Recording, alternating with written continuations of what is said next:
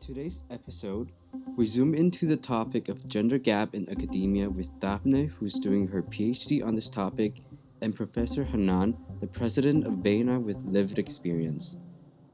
From sharing data, theories, and to sharing some real life experiences, they highlighted how we should move beyond seeing this issue as an individual problem to a systemic problem, and most importantly, some positive changes they see and how we could tackle this issue together. Welcome to the DIB podcast, Diversity, Inclusion, and Belonging podcast of ESSB. Today we have uh, Professor Hanan and PhD candidate Daphne with us today to talk about uh, gender gap in academia. So first, uh, I would like uh, both of you to introduce yourself. Daphne? Yes, yeah. so I will start. Uh, I'm Daphne. I'm a PhD candidate at the Department of uh, Public Administration and Sociology. And I work here now for three years, and my research focuses on, uh, well, the gender gap in academia. Um, and, well, um, we try to answer questions like um, which role do academics play in creating their career, but also what is the role of um, the, the, institution in building a career. And yes, so in particular, we focus on whether men and women experience different trajectories or different experiences in building up their career. Um, yes, and with the aim to to mind the gender gap, but I think yeah. we will talk more about which gender gap and yeah. what we mean with that later on. We'll dive very deep into it later. But today we also have Hanan, who has a lived experience with uh, this topic as a full professor uh, recently endowed at ESSB, one of the few um, woman full professor actually. So could you also introduce yourself? Uh, Hanan? Yeah. Yes, uh, I'm Hanan El Marroun. Uh, I work at the Department of Psychology, Education and Child Studies, as well as uh, the Department of uh, Psychiatry, of Child Psychiatry at the Erasmus Medical Center. So I work at two faculties. And my research is on brain development and substance use and addiction. Very interesting.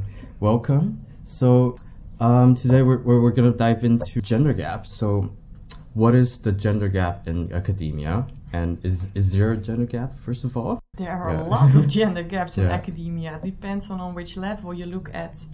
Yeah. Um, and gaps. level, you mean, uh, could you elaborate? Uh, what do you mean by level? Uh, well, by level, I also mean numerical gaps, but also more stereotyped gaps, but also, well, there are a lot of gaps, but maybe we can start with the more maybe numerical. we can start with the numbers. With the numbers. Yeah. maybe that's a good point to start. Yeah.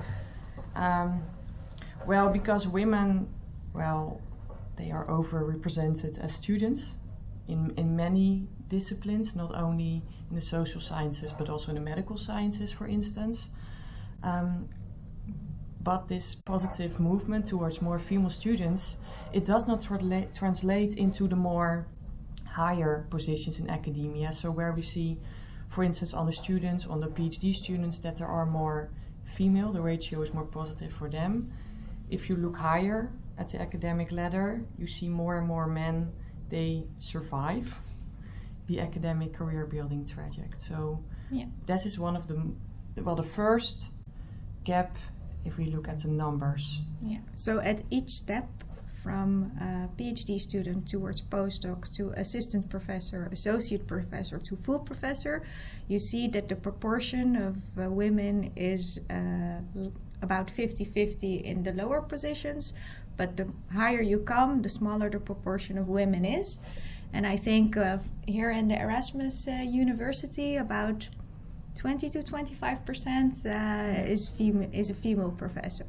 So one in four uh, four professors are female in in the Erasmus yes. uh, University. Yeah. But still, if yeah. you compare it with 20 years ago, if I could say it like that, I want to add a positive note here because yeah. 20 years ago, only six percent of the professors were women, were female, wow. and nowadays it's one out of four. So it's a positive movement, but still we are not there yet. Yeah, it takes it takes time. it takes time, it takes but time. a yeah. lot of time, and maybe too much time if we wait and sit back and wait until women are more women become a full professor. Yeah. Yeah. So we need uh, to take action to accelerate that, but I think later in the interview we'll uh, talk about some ideas. Yeah, yeah. But uh, Hanan, why why do you think it's so hard for women to get women acad- academics to to get there, as your personal experience? Uh, Well, I think uh, there are multiple reasons, and I think one of them uh, you already uh, briefly touched upon it, is that uh, well, generally, if you think about a professor, you uh, think about a, a male scientist, and like uh, also in uh, like um if you watch movies or cartoons, uh, you often see that the nutty professor is male. So I think as a society, we just think that uh, professors uh, fit with males uh, better than with females. So these uh, biases, or sometimes they are just unconscious, they're not even conscious biases. These biases, they uh, can make it harder for women to take next steps in their uh, career. yeah. They So feel a lack of fit. Because Yeah. also, if I remember when I was a student, I really liked to do research. But if I looked at the people who were teaching, those people were all white, old men, and I learned a lot. But still, I, I didn't feel that I fit in into this environment. So I think the lack of fit for mostly women, but also some men, do not feel fit within the stereotype of an academic or a researcher. I think that is one of the gaps women experience and why there are so not so much women yeah, in the leadership positions in academia. because academia is a very long process, and you have to. Do think that you have um, not uh, feeling belonged and um, having a bit of an implicit bias, experiencing it will drive people out, for example, Yeah. throughout the process? Or just yeah. some ideas. I know that some people think that scientists work 80 hours a week. and they say, yeah, I don't want to move into science because I also want to have a private life. So, uh, and indeed, a lot of people in uh, academia, they work a lot. Uh, and I think uh, work life balance is one of the struggles that uh, a lot of us experience. Um, but there are also ways I think that you can manage to uh, to be a scientist and a productive scientist, but just have uh, regular working hours. Yeah, because that's uh, one of the struggle for uh, you think for work-life balance uh, for for women in academia. Is that also uh, something you uh, touch upon in your research? Yes, Yeah. yes, yes. I want to say no, but I recognize it. I hear it a lot, also from men, because I also want to underline that that also men experience some challenges with fitting in the stereotype and within this system. But another point I want to emphasize is also that the individual culture in academia and there's also a lot of competition between researchers and I think well well, competition in itself is not a bad thing. Let me put that first. But because there is so much insecurity in academia, for instance, it takes a lot of time before you get a tenured position here. And I think that that is also one of the reasons why women drop out because. Yeah, security is, be- it's a very difficult thing to get here to feel safe and to be independent. It takes a lot of time. Yeah. So I think that's also one of the reasons. So not per se competition in itself, but the combination with insecurity. Insecurity. Yeah. That's a good point. Uh, Hanan, have you ever experienced uh, insecurity throughout your early career or Yeah. even now? Yeah, I think it was mostly when I was a PhD student, a postdoc, and even as an assistant professor, uh, uh, because I didn't have uh, like a fixed position or a permanent position. So I uh, was, uh, um, yeah, my research position depended on the funding that I uh, got. So uh, uh, at that time, I really didn't know, like, where would I be in the next two years? Will I still be able to do this research? I love research, and I had so many interesting questions, but I never knew whether I could could do that. Uh, that uncertainty of not knowing uh, whether you um, uh, can continue to grow in your function and you still have that job in the next two years also affects your personal life.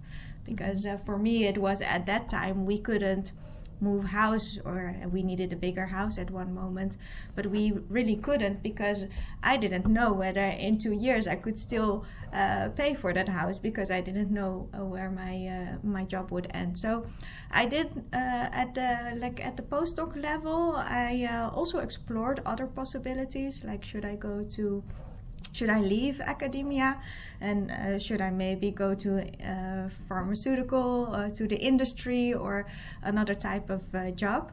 So I found out that I'm a hardcore researcher and I really mm-hmm. enjoy working in academia despite this uncertainty. So I persisted, but uh, it wasn't uh, easy. Yeah. yeah, yeah, and you, you stayed in, which is very admirable. And look at you now. You're a full endowed professor at the ESSB, and you also work at uh, Erasmus MC. Um, do you feel like it's easier to uh, for your male colleagues to to face these uh, uncertainty, for example, and also with family, for example? That's yeah. a difficult question because we're not standing in their shoes, right? Yeah, yeah. Yeah, yeah I'm not sure, but uh, I think they also struggle yeah. uh, because working in academia uh, is, like you said, very competitive. Uh, so you, we all have to work very hard. But I think we struggle with different uh, things. So mm-hmm. yeah, yeah.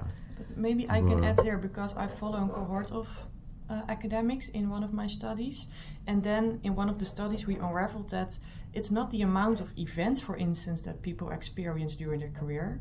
So, I mean that women do not experience more events, but it's the type of reaction from the environment, from the department, or from the supervisor or the department head. Yeah.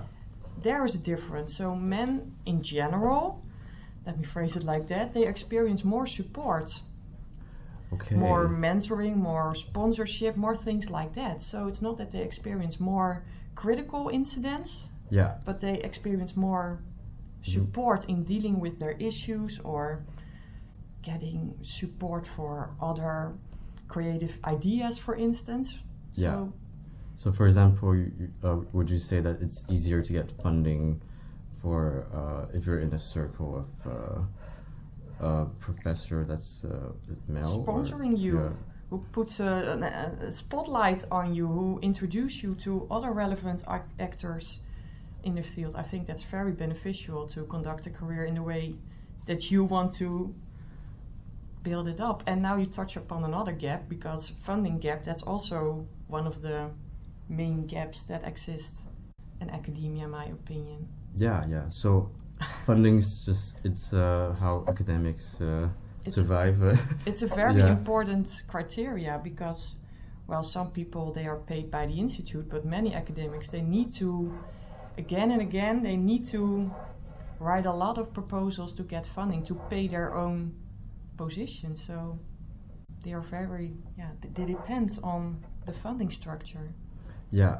Did you, uh, Hanan? Did you um, experience any? Um, gap in, in getting a fund or challenges? Uh, yeah, yeah I, I think uh, one of the challenges uh, that I uh, had was uh, when I applied for a VENI grant, which is a very prestigious uh, grant here in the Netherlands. And I got good reviews, so I was invited for an interview, but I was pregnant.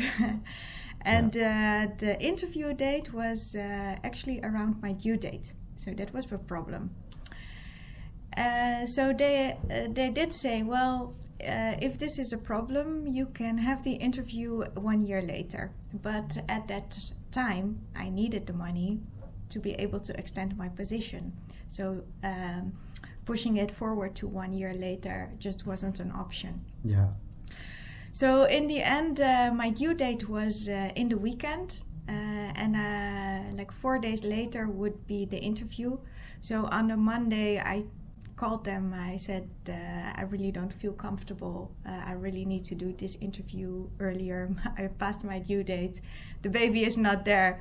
And uh, is there a possibility? So they were a bit flexible, putting me in a lunch break the next day. So I went to that interview. Uh, I did it as good as I could. Wow.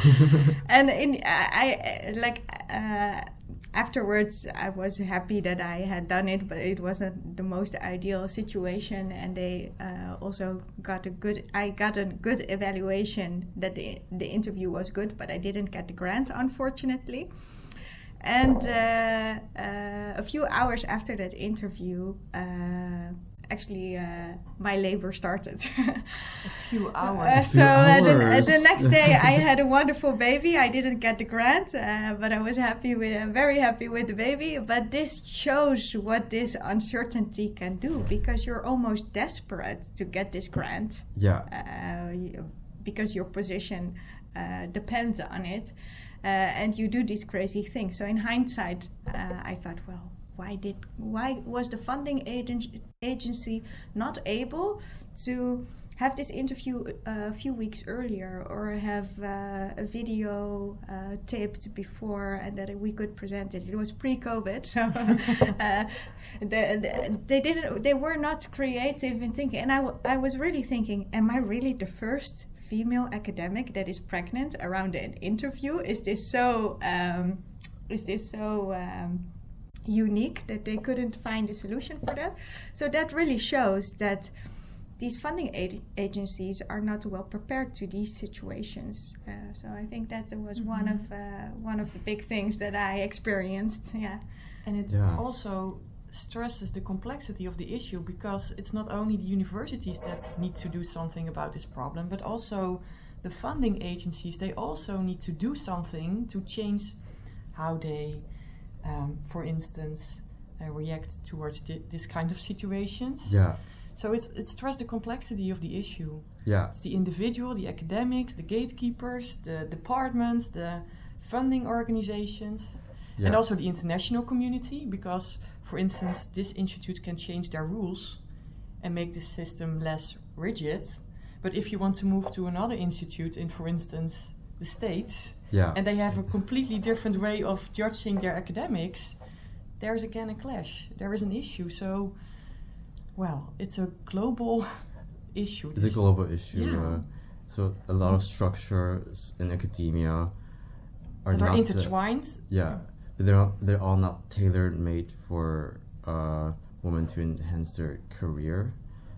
They are very narrow minded, if I can say it like that. There is one ideal type of academic or Yeah. researcher, what we already stressed, but also there's one specific image of the ideal career. It's linear, you need to make fast moves, you need to gain a lot of funding, and if you do not fit into that ideal type, you are not successful in the eyes of the academic community. Yeah. Yeah. So um, we touch upon the the collective problem and individual. hmm Um, so the way we we look at the problem or how we deal with it, um, do you think it's more focused on the individual or um, the uh, the collective level, the institutions, for example? I think that academics have a lot of agency, but they have their agency in a certain structure. So you are not completely free. You are bounded in what kind of things you can do to to build up your career. So it's not that I want to to put all my I don't know. It's not that I want to say that institutions they are the only one who can solve this issue. It's a combination of both, but they need to work together and see it as a shared responsibility to create a more inclusive work environment. Yeah, that's that's a very good Yeah. point.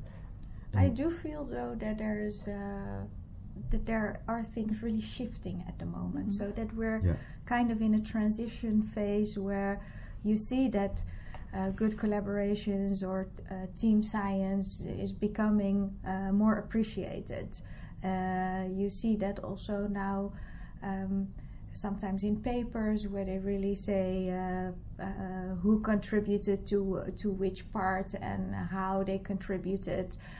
So I think I do think that there is a change coming, but yeah, still the generation I think uh, above me. Uh, I'm like you know, yeah, yeah uh, I'm not of the yo- very young, but also not. Uh, uh, the oldest ones in the organizations, I do feel that uh, that there that we're like in this transitional generation trying to make change, and that uh, the next generation will hopefully work in a completely different environment.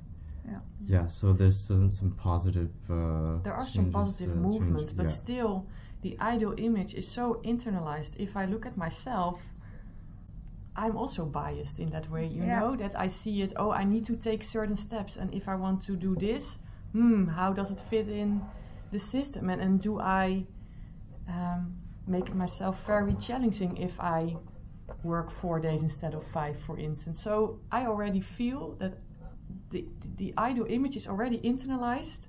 Although I'm doing research into this topic and I'm aware about the differences, so Yeah. there is a positive movement, but still, it's a very tough cultural challenge that we need to tackle together Yeah. And That's to yeah. change the image. Yeah, and sometimes these can be very small things because, um, uh, for example, we uh, we have one of our uh, standard fixed most important meeting tr- uh, historically on a Wednesday. But uh, here in the Netherlands, uh, Wednesday is often a day that parents take time off because the children only go to school in the morning, and in the afternoon they uh, have uh, they yeah at noon they are free.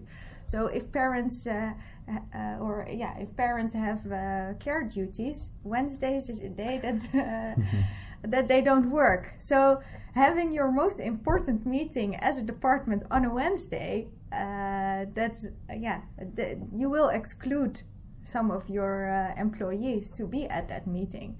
So they cannot be visible, they cannot contribute to uh, what is being done on uh, maybe a strategic level at the department, or uh, they cannot provide content or suggestions. So making, thinking about just when you have a certain meeting that is important for all employees, don't do that on a day that's uh, half of your employees is at, at home. So I think these kinds of very small uh, things is something what an organization could do uh, to yeah improve the inclusiveness. hmm Yeah, it's a lot of uh, small little things, but aggregated. They uh, build Yeah. together. Yeah. Yeah. And you create awareness. If you address something like that, maybe people who never thought about it, they are triggered to think about how can we include more people or why are some people not attending those meetings? And well, now they know the reason. Yeah, yeah. But that's why it's, it's, it's good to have you both uh, in academia, definitely doing research on this. And uh, Hanan, for example, you're president of uh, VENA, right? So Yeah, do you want to uh, share a bit more Yeah, what you do? uh, VENA yeah. is an uh, yeah a network association within the Erasmus Medical Center. It was uh, set up by uh, Professor Hanneke Takkenberg and uh, Professor Jolien Roos in 2005. So uh, it's already exists for uh, quite some time, or 2006 maybe. And they set it up because at that time, and especially in the medical faculty, the number of uh, female uh, full professors was very low. And still, if we look at those uh, numbers, the Erasmus Medical Center is uh, not uh, in the top three uh, of the Netherlands. It's always uh, On the lowest uh, on the lowest range of the of the list. So there's still no, uh, work to to be done there. But uh, VENA is uh, set up to address this both on um, yeah uh, top down uh, as well as uh, bottom up. So we organize uh, workshops and network events for all ambitious female employees in, in, in the in the medical center, and we also um, give advice to the Raad van Bestuur, so the board of uh, of the Erasmus uh, Medical Center on on this topic. So uh, in that way, we do hope to make a change. But uh, yeah, in some um, sectors, uh, I think it's a bit more hard work than than in others. We also spoke before Daphne and I about the technical, the TU, for example, TU Delft Technical University. We don't have a technical faculty, but there we also see that. Uh, a large proportion of the students is uh, male instead of female, and how can we as a society, uh, get uh, smart uh, girls uh, uh, that like technical topics to feel at home at, at mm-hmm. such a university. So it's important yeah. for moral reasons, I think, but also yeah. for the quality of research to have a more diverse group of yeah. people in the institute. Yeah. yeah. Therefore, it's important, I guess, to pay attention to all those gaps. In particular, because universities are the cornerstone of society, right? We educate students here, and well, hopefully, we can get more diversity. Not only yeah. gender diversity, but a lot of other forms of diversity. Yeah and it's not only uh, diverse, addressing uh, diversity because we want more diversity. It has been shown from several studies that if you have a group of diverse people coming from different backgrounds, different culture, different disciplines, that uh, in those teams they're more effective, more creative, yielding more money for a company. So, like, uh, there are multiple reasons why you want to promote diversity. Not, uh, of course, mm-hmm. for moral reasons too, but it can also just uh, uh, bring up money for uh, for companies. So, yeah. Yeah, that's also exactly why this issue we're talking about, gender gap, is so important in academia because we often talk about impact. What can the academia do? Mm-hmm. Uh, for example, this could be one of the the ways to make more positive impact. Uh, I agree with that because, uh, like, if I look at my own work, I had a few uh, projects where uh, we really looked okay so what is the uh, research topic about and who do we need? So we need input from a clinician we need input from an epidemiologist we need input from a neurobiologist and we need input from a psychologist. So we collected a team from all different perspectives and worked together on this project and this yielded like a yeah a very high quality uh, paper so, and these papers they also get published at high uh, impact journals. So, speaking of impact, I think. Um, having this diverse team and like gender uh, diversity is one of the aspects but having diverse teams working to, uh, together on the same topic but addressing everything from a different perspective that is eventually also what leads to scientific quality. Mm-hmm. there is less group thinking i guess but also you are forced to think outside the box. Yeah and to rethink your own methods maybe that you used for years and someone asks you a critical question why do you do it like that i think it's very positive to bring different different people I, I put it in question marks, but you can't see it in the podcast, to bring them together to create more innovative and creative solutions. Yeah. Yeah, yeah. So it's more than only the moral reasons I mentioned. Yeah. so it's moral, but also, um, yeah, the, as the quality of the results yeah. of yeah. yeah. And it's also fun to work with all the kinds of different people. So why would you want to work with people who all think alike? yeah, exactly. Mm-hmm. Do you experience that uh, as well as a full professor in a room of uh, full professor meeting? How do you how do you feel um, as one of the only women? Yeah, so I I became a full professor just recently, yeah. so uh, it feels a bit uh, uh, how do you say that? Not uh, yeah, I have to think how I formulate that, but I still have to get used to my role. Uh, and also, even in this function, I still learn a lot, and sometimes that brings some insecurity.